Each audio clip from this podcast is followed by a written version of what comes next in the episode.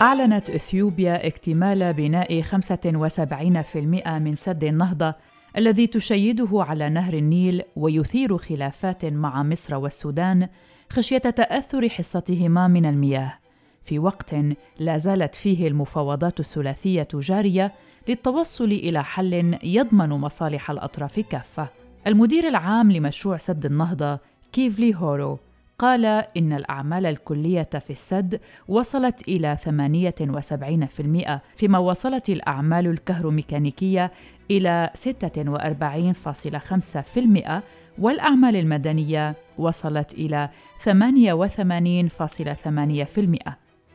رئيس الوزراء الإثيوبي أبي أحمد قال إن المرحلة الثانية من ملء بحيرة السد ستكون في آب أغسطس المقبل يعني بعد سنة من الآن وفي موسم الأمطار حيث يتوقع أن يتم تعبئة 18.4 مليار متر مكعب من المياه.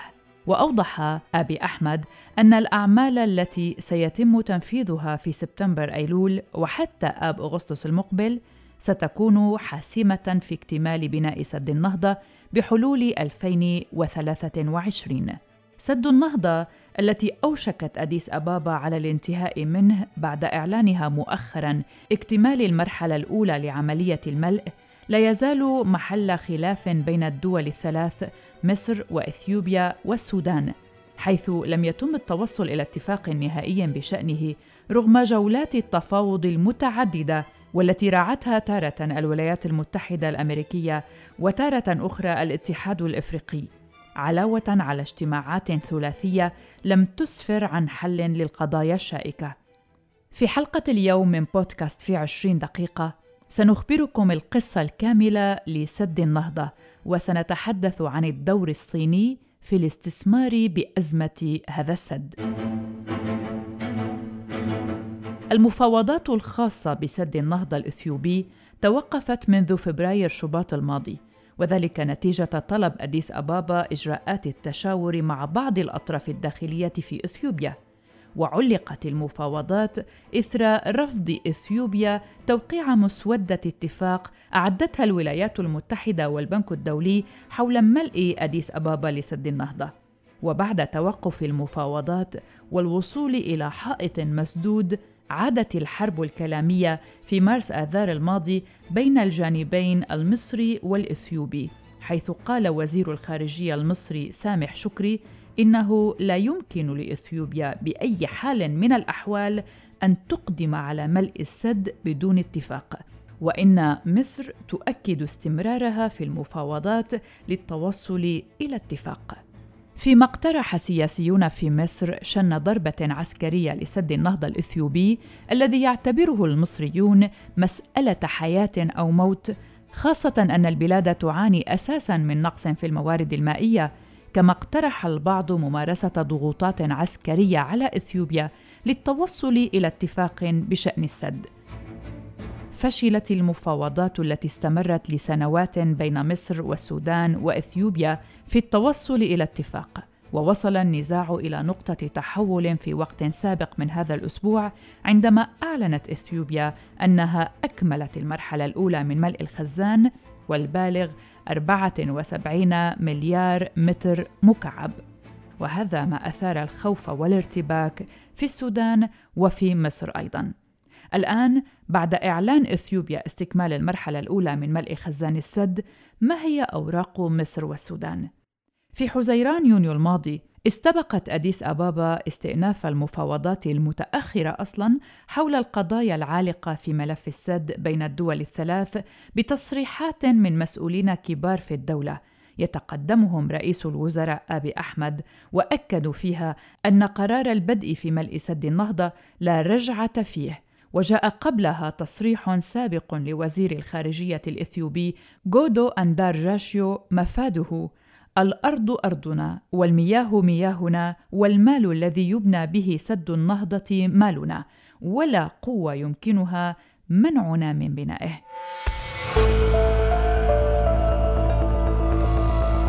اذا السد الآن على وشك الامتلاء وعلى مراحل. بدأته إثيوبيا بالتزامن مع بداية فيضان النيل الأزرق على أن تستمر العملية حتى نهاية فصل الشتاء وبإجمالي 4.9 مليار متر مكعب ليبدأ السد التشغيل التجريبي لإنتاج الكهرباء في مارس آذار المقبل فيما تعترض مصر على خطط إثيوبيا وتصفها بالأحادية حيث سيسبب السد ضررا كبيرا لمصر. وتخشى مصر أيضا أن يحد السد البالغ طوله 145 مترا من نصيبها من مياه النهر فيما يخشى السودان من أن يؤثر الأمر على قدرة التخزين لديه كما أن الخرطوم قلق بشأن قوة السد وأمانه. قبل الخوض في تفاصيل ذلك الزميلة مها فطوم ستخبرنا بصوتها عن أبرز المحطات التي مرت بها أزمة سد النهضة. عام 2001 إثيوبيا تعلن عن نيتها إنشاء عدد من المشروعات على أنهارها الدولية وذلك في استراتيجية وطنية للمياه كشفت عنها حكومتها حينذاك. في مايو أيار عام 2010 توقيع اتفاقية بين ست دول لحوض النيل هي إثيوبيا، أوغندا، كينيا، تنزانيا، رواندا وبورواندي. عرفت باسم اتفاقية عنتيبي وقوبلت برفض شديد من مصر والسودان وبموجب الاتفاقية تنتهي الحصص التاريخية للأخيرتين وفقا لاتفاقيات عامي 1929 و 1959 في أبريل نيسان عام 2011 الحكومة الإثيوبية تعلن تدشين مشروع إنشاء سد النهضة لتوليد الطاقة الكهرومائية. في سبتمبر أيلول عام 2011 اتفقت السلطات المصرية والإثيوبية على تشكيل لجنة دولية تدرس آثار بناء سد النهضة. في يونيو حزيران عام 2014 اتفقت السلطات في مصر وأثيوبيا على استئناف المفاوضات مرة أخرى. في مارس آذار عام 2015 وقع الرئيس المصري عبد الفتاح السيسي ونظيره السوداني عمر البشير ورئيس وزراء إثيوبيا هايلي ديسالين في العاصمة السودانية الخرطوم وثيقة إعلان مبادئ سد النهضة في مايو أيار عام 2016 إثيوبيا تعلن أنها على وشك إكمال 70% من بناء السد. في نوفمبر تشرين الثاني عام 2017 وزير الري المصري يعلن عدم التوصل لاتفاق. في يونيو حزيران عام 2018 رئيس الوزراء الإثيوبي أبي أحمد يتعهد شفهيا في مؤتمر صحفي بالقاهرة مع الرئيس عبد الفتاح السيسي بأن بلاده لن تلحق ضررا بالشعب المصري بسبب سد النهضة. في فبراير شباط عام 2019 قادة الدول الثلاث يلتقون على هامش القمة الإفريقية. في فبراير شباط 2019 واشنطن تستضيف الأطراف الثلاثة بحضور ممثلين عن الخزانة الأمريكية والبنك الدولي. في يونيو حزيران عام 2020 إعلان آبي أحمد أن قرار تعبئة سد النهضة لا رجعة فيه. وفي التاسع من حزيران يونيو عام 2020 انطلاق مفاوضات بين وزراء ري مصر والسودان وأثيوبيا عبر الفيديو. وبذكر السودان كطرف في ملف سد النهضة وكمتضرر من بنائه دعت وزيرة الخارجية السودانية في وقت سابق إلى موقف قوي يمنع هذه الخطوة قبل الوصول إلى اتفاق. وقالت يومها وهذا قبل البدء بملء السد؟ قالت الوزيرة أسماء عبد الله إذا تمت مواجهة إثيوبيا بموقف قوي من السودان ومصر بأن لا يتم الملء قبل الوصول إلى اتفاق ستفكر في الأمر مرتين. لكن وبعد تسع سنوات من المفاوضات لم يتم التوصل إلى أي اتفاق بين الدول المتنازعة.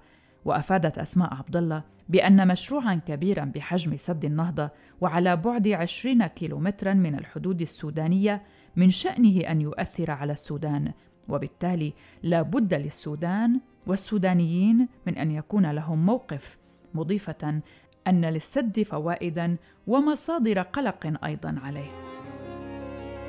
وزير الري والموارد المائية السوداني ياسر عباس أشار بدوره إلى أن الوصول لاتفاق قبل الملء بالنسبة للسودان هو أمر ضروري بل شرط أساسي وهي النقطة رقم واحد في خطاب السودان لمجلس الأمن. وأكد حينها عباس أن السودان طرف أصيل في هذا الملف ويتأثر أكثر من مصر لأن سعته التخزينية عشرة أضعاف من سد الروسيرس السوداني الذي يبعد 100 كيلومتر فقط عن سد النهضة والذي لا بد من الوصول إلى اتفاق بشأن مبادئ الملء وطريقة تشغيله. وأكد أنه من حق إثيوبيا أن تقوم بعمل التنمية لكن في نفس الوقت بدون أحداث ضرر للآخرين. السودان خاطب مجلس الأمن مؤكدا تشجيع أطراف سد النهضة الأثيوبي على تجنب القيام بأي إجراءات أحادية قد تؤثر سلبا على السلم والأمن الإقليمي والدولي. ومصر أيضا كانت قد أرسلت قبل رسالة لمجلس الأمن توضح فيها موقفها وتريد من مجلس الأمن التدخل حتى تلين أثيوبيا من موقفها وتعود المفاوضات. وردت حينها إثيوبيا على الرسالة لتقول إنها منفتحة على المفاوضات. الحديث كان وحسب هذه المفاوضات السابقة عن أن السد يمكن أن يكون بادرة لتعاون إقليمي.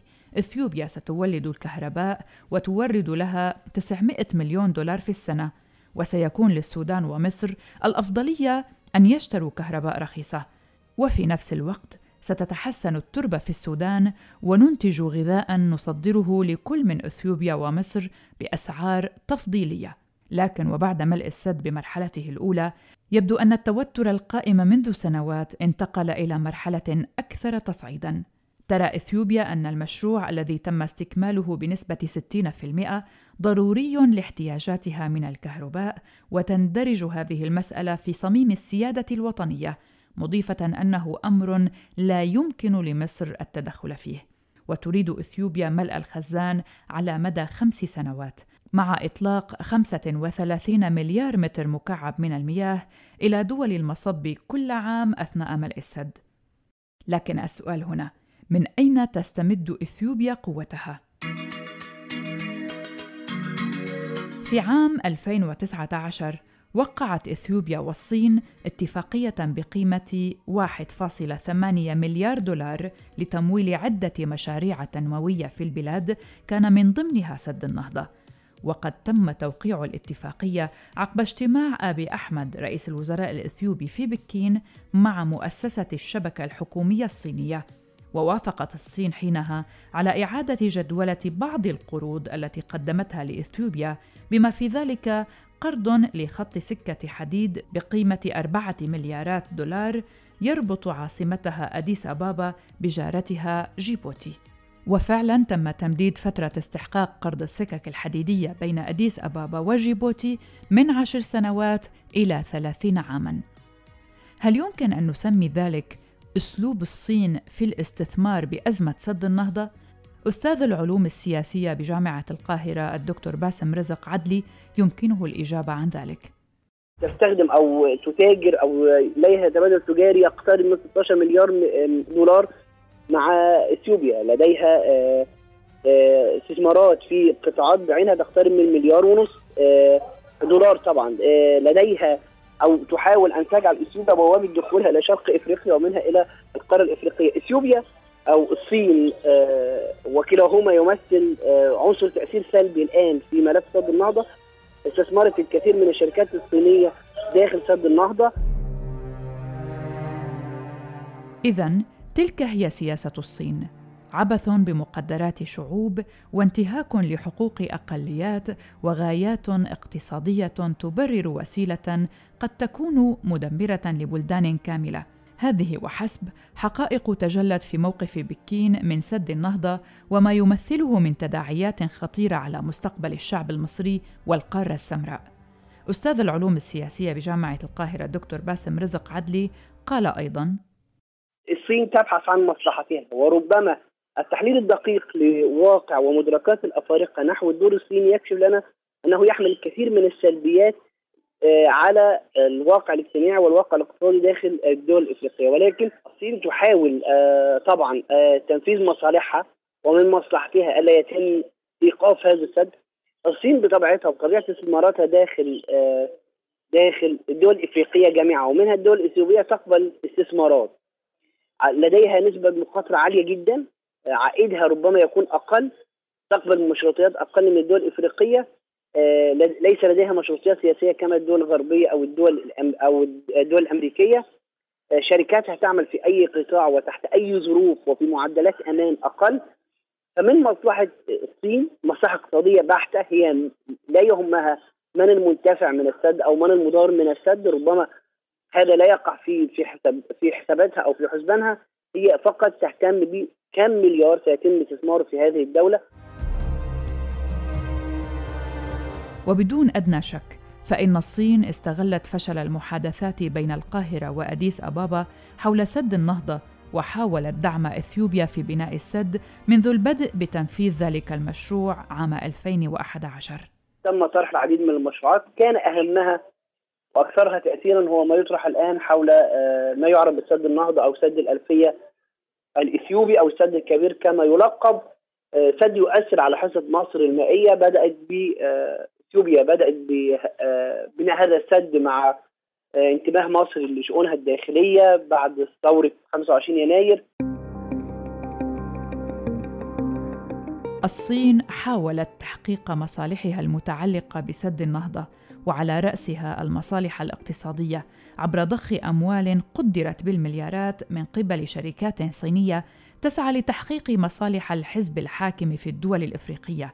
ولو كان ذلك من خلال منح غير مسترده أو قروض ائتمانية طويلة الأجل. وهنا نستمع لمديرة البرنامج الإفريقي في مركز الأهرام للدراسات الدكتورة أماني الطويل.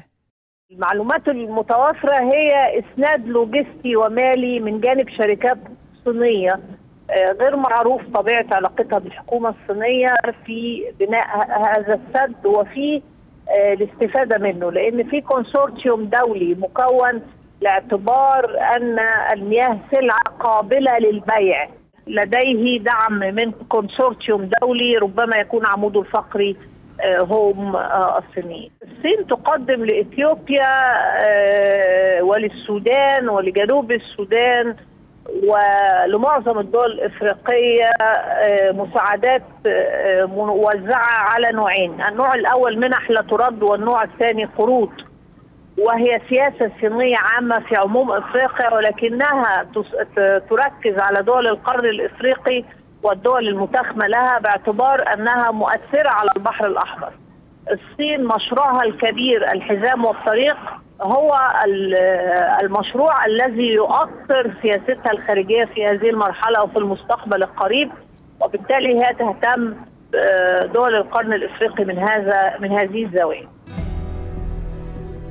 العبث الصيني بملف سد النهضة وسعي بكين لتحقيق أهدافها على حساب الشعب المصري والشعوب الإفريقية كل ذلك يدل على حقيقة واحدة أن الحزب الشيوعي الحاكم في الصين لا يمكن أن يمتثل لأي رادع أخلاقي ولو كانت نتيجة فتح سد النهضة كارثة إنسانية غير مسبوقة في القارة الإفريقية والعالم. وهنا قالت الدكتوره أمان الطويل الأضرار على مصر مرتبطة ب آه، عدم تأمين آه، آه، المياه للشعب المصري باعتبار إن نهر النيل هو المصدر الوحيد للمياه لمصر. تأثير على الزراعة في مصر وتأثير على مباشر على حياة الناس. يعني هو انتهاك لحق الحياة للمصريين. السودان الحقيقة مهددة بالغرق في حالة عدم الاطمئنان لسلامة هذا السد خصوصا أن السد آه، قريب من آه، الفالق الإفريقي العظيم. المنطقة جيولوجيا غير مستقرة وبالتالي هناك مخاوف فيما يتعلق بتخزين كمية ضخمة من المياه بالقرب من فالق أرضي. بالقرب من الحدود السودانية. بعض الخبراء يقولون أنه لا قدر الله إذا حدث هذا السد أي شيء يمكن أن تغرق الخرطوم ذاتها. يمكن أن يتأثر الشد العالي. ويبقى السؤال بعد عدم استجابة إثيوبيا وبدئها في ملء خزان سد النهضة ماذا تملك الدول الأخرى من خيارات؟ هذه كانت حلقة جديدة من بودكاست في عشرين دقيقة من إعدادي وتقديمي براء صليبي. شاركتني في التقديم الزميلة مها فطوم وفي الإخراج الزميل أمجد حمدان. إلى اللقاء.